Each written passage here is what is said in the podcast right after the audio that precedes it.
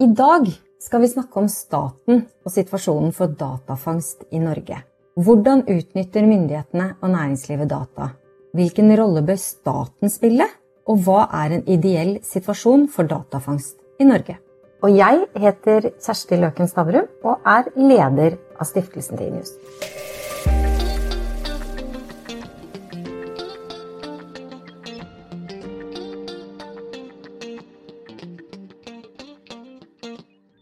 Vi har med oss to gjester, og jeg skal ønske Silvia Seres velkommen først. Grunnen til at du er med oss i denne podkasten, er at du er aktuell med boken Staten og dataen. Og det var et perfekt oppspill til også å invitere Ole Jakob Sunde igjen. Jeg tenkte jeg skulle begynne med deg, Silvia. Hva skal egentlig staten med dataen? Jeg er veldig eh, fan av Mariana Mazzucato sin eh, missions tankegang. Og da tenker jeg at eh, i en fremtid hvor alt blir drevet av data, og disse algoritmer som uh, finner sammenhenger i data og bruker data til å effektivisere diverse tjenester, men også skape nye tjenester, så er det statens ansvar å skaffe nok data til at vi kan levere tjenester som vi er avhengig av skal være levert uh, av fellesskapet, type velferdstjenester, sikkerhetstjenester, utdanningstjenester og infrastrukturtjenester, som er konkurransedyktige nok med det som kommer til å bli levert av de store internasjonale datagiganter. Så jeg tenker at staten har rett og slett både et tilretteleggeransvar og et um, innovasjonsansvar, og dette her haster veldig, for hvis ikke staten tar på seg dette ansvaret seriøst nok, så tror jeg at vi blir utkonkurrert på alle fronter av uh, kinesiske og amerikanske datagiganter, og da, da, er det kanskje ikke så veldig mye staten får gjort etter hvert. Hvis jeg spør deg om det samme, Ole Jakob, altså hva skal staten med dataen? Ville du svart det samme som Silvia da? Eh, jeg er enig med Sylvia at eh, statens oppgave er en tilretteleggeroppgave, og ikke en utøvende oppgave. Jeg har jo lenge vært opptatt av maktbalansen når det gjelder plattformselskapene, og hvordan de setter premissene. Og jeg er også, som Sylvia, en teknologioptimist. Men jeg må innrømme at jeg begynner å miste litt motet.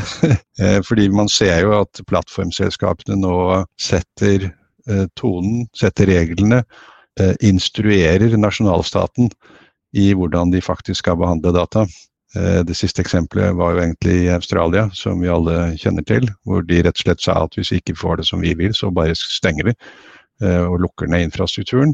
Og vi ser også her i Norge at vi har en rekke eksempler på at myndighetene må tilpasse seg de plattformselskapenes ønsker. Og med andre ord så er vi i ferd med å miste nasjonal selvråderett på viktig eh, infrastruktur. Er det skole og helse, Silvia, som er de viktigste områdene der staten bør ta en rolle?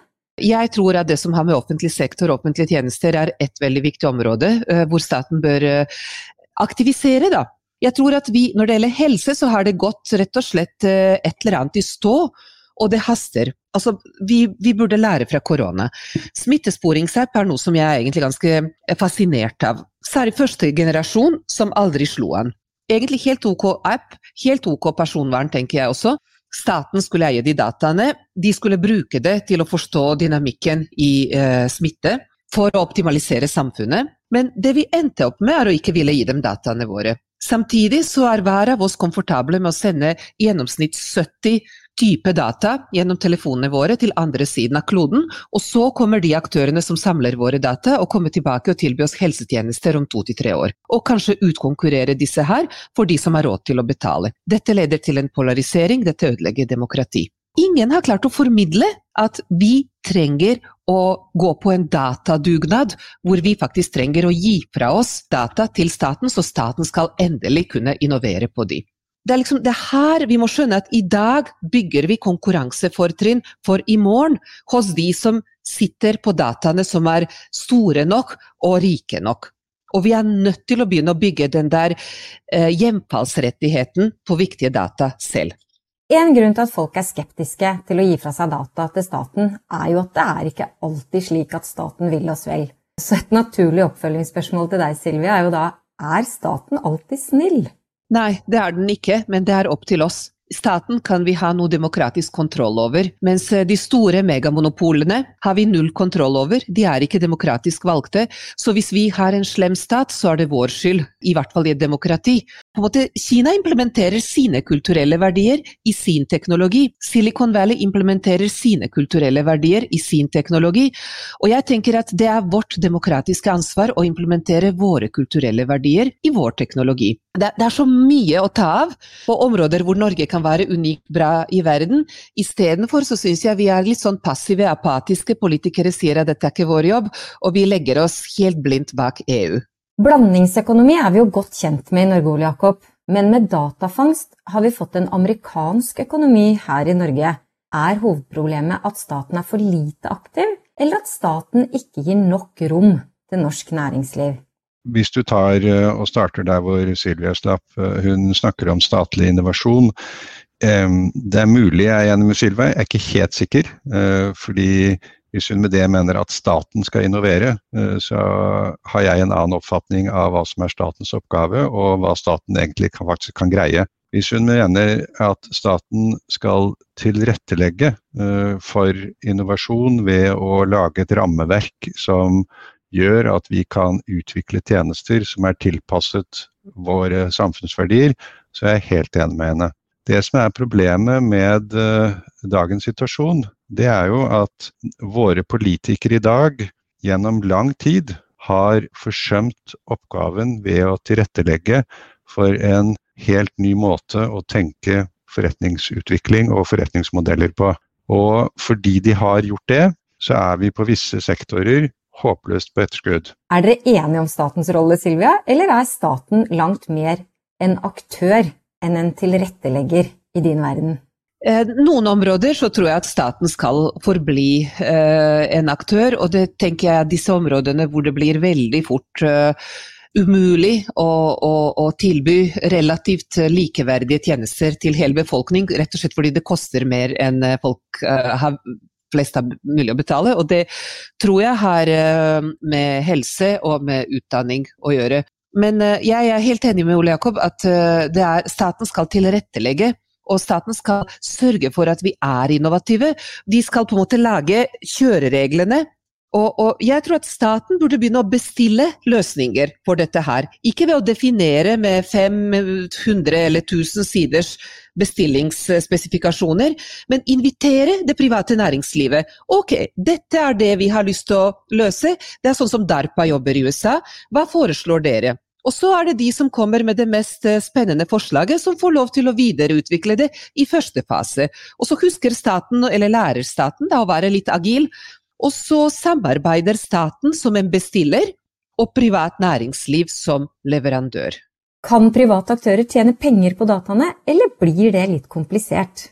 Nå er det i hvert fall verken det norske private næringsliv eller eh, det norske offentlige eh, som tjener penger f.eks. på norsk skole. Eh, nå er det jo plattformselskapene som tjener penger på norsk skole. Det er vel ingen som tror i Norge, som jeg tror i Norge, syns er en spesielt god idé. Så her gjelder det å, å velge sine kamper. Det som norske myndigheter har vært um, det er to ting de har vært redde for. For det første så har de vært redde for å gå inn og bli en næringslivsaktør.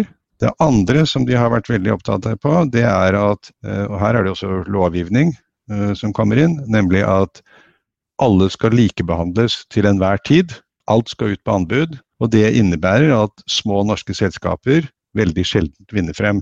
Jeg ser du nikker, Sylvia. Dere beskriver begge en stat som har vært altfor passiv og gjort for lite. Har du fortsatt tro på at staten vil kunne endre situasjonen? Altså, jeg har bare lyst til å bygge på litt av det Ole Jakob snakket om i forhold til uh, de litt mindre norske selskapenes evne til å bidra til verdiskapning. Altså, uh, problemet i Norge er at du må ha kunder, ikke sant? Og hvis alle offentlige kunder krever at du skal være så stor og så gammel før de begynner å kjøpe fra deg, ja da er det bare de utenlandske de ender opp med å kjøpe fra. Tenk deg hvis vi ikke hadde satset da vi fant oljen, eller hvis vi ikke hadde satset når vi fant ut av dette her med vannkraft. Altså, alle gangene vi har faktisk beveget oss fremover, istedenfor å stå stille, det er når vi har tatt risiko og satset. Så det er bare fellesskapet som har evne til å virkelig dytte på sånne nye store satsinger. Og så må det private selvfølgelig få lov til å tjene penger på dette her. Ellers så klarer ikke det private å Altså, det private må betale lønningene sine. Hvis ikke de tjener noe penger, så blir det ikke noe privat sektor. Jeg leste jo den strategien som eh, myndighetene utarbeidet på kunstig intelligens. Og hvis du leser den og tar liksom hovedinntrykk av den, så er det egentlig at Norge og norske virksomheter skal bli en god bruker av kunstig intelligens. Vi skal ikke utvikle den.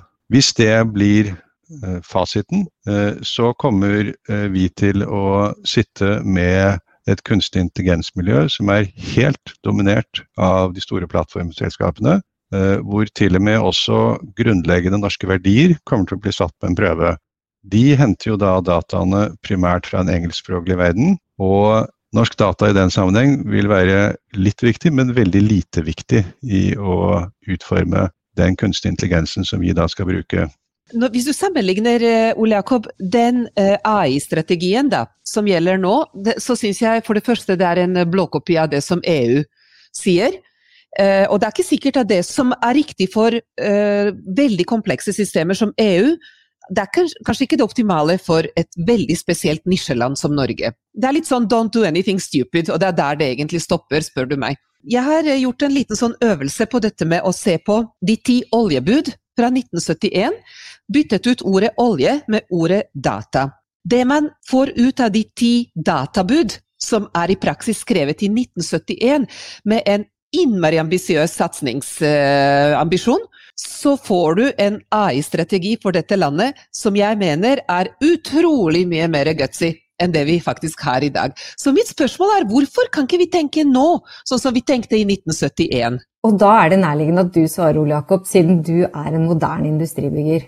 Jeg tror det har det noe med den grunnleggende forståelsen. Altså Olje var noe fysisk, noe vi hadde kjent i eh, ca. 100 år. Eh, den første jordoljen, som vi kalte den til å begynne med, kom jo fra 1860-tallet og utover i USA. Så det var, et, det var, et, råstoff vi var kjent med, og vi var kjent med hvilke rikdommer som det kunne produsere, riktig håndtert. Den kunnskapen har vi ikke i dag, og det er hele forskjellen. Men er det opp til staten å sørge for at vi blir proaktive, eller bør næringslivet involvere seg uten at staten sier at de må det? Jeg tror at satsingsviljen i næringslivet er ganske høy, eh, og at eh, mange gjør veldig mye bra. Problemet er at de lever jo under de rammebetingelsene som er satt av globale plattformer. Eh, og det er ingen motkraft til de globale plattformene. Og skal du da bedre deres evne til å lykkes, så må den motkraften komme fra statlige organer. Eh, jeg tror ikke at vi bare kan la det komme fra overnasjonale enheter som EU, selv om det er veldig viktig. Og norsk næringsliv burde være mye mer aktiv overfor EU og de rammebetingelsene som kommer fra EU. Og I tillegg så kunne det kanskje komme fra brukerne. En av de to, eller kanskje begge, motkraftene må eksistere eller må utvikles eh, for at næringslivet ikke skal bli et underbruk av de store plattformselskapene og bare kan du si leve efter de spillereglene som de setter. Staten har definitivt et ansvar overfor norsk privat næringsliv, fordi det er veldig få selskaper som kan gjøre det Cognite har gjort. Fordi du må ha en røkke du må ha noen som er villig til å investere, og som er villig til å bygge deg opp til du er stor nok til å virkelig kunne spille internasjonalt eller å klare deg eh, fint på børsen osv. Og den investeringsviljen i dette landet i spennende teknologi er foreløpig for liten. Det har vært for lett å putte penger i eiendom, eller kanskje i olje øh, tidligere. Og det å sørge for at vi faktisk har staten som er en veldig øh, viktig innkjøper i de tidlige rundene til vi har fått selskap som kan konkurrere internasjonalt, tror jeg også er en viktig eh, sideeffekt. Da. Vi skal gå inn for landing, så nå får dere et siste spørsmål hver. Ole Jakob, du får gullspørsmålet. Du blir statsminister for én dag. Hva gjør du da for å rette opp i disse tingene? Jeg tror dessverre ikke at det å være statsminister på en dag er noe i nærheten av å kunne eh, rette det opp. Eh, men jeg tror at det å forsøke å gjøre folk mer bevisste i sine valg, eh, det er noe norske myndigheter i hvert fall kunne gjøre. Så jeg tror at jeg da hadde lansert Vi har jo fjellvettregler. som er meget innarbeidet. Vi har ingen datavettregler. Men jeg tror jeg i dag hadde satt meg ned og laget datavettregler. Det skulle bare være syv av dem, og vi skal huske på at det er aldri for sent å snu. Jeg har selv sluttet å bruke Google og Facebook for fem år siden. Eh, og er fortsatt i live og en ganske glad og fornøyd person allikevel. Det er ikke for sent å logge, altså.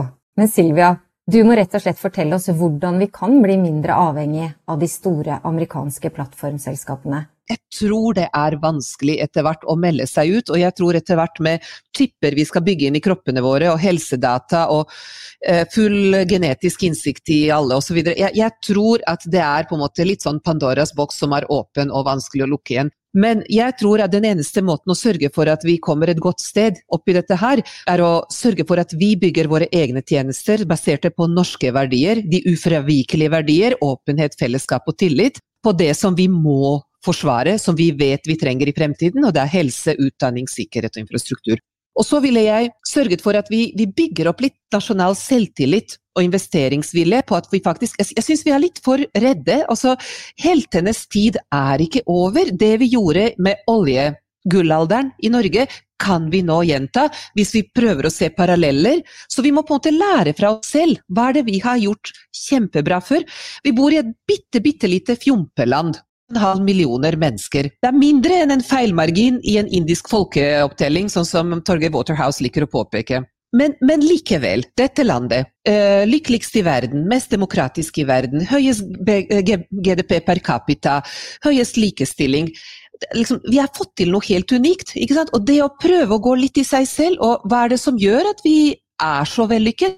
Og hvordan kan vi bruke de samme musklene nå fort når det gjelder datadrevet kompetanse og konkurranse. Og, og så haster det. Så, så jeg, jeg, ville egentlig ikke prøvd å gå på detox, jeg ville heller eh, prøvd å gå på en sånn eh, kickstart kick eh, helteskole. Glem Singularity University. Bygge en norsk, eh, norsk utgave som fungerer for Norge. Få med hele landet med på det. Det er ikke så verst å gi seg der, syns jeg med å slå et slag for Norge. Så da skal jeg vel egentlig bare takke Ole Jakob Sunde og Sylvia Ceres for at dere var med i denne podkasten fra Stiftelsen Tinius. Takk skal dere ha.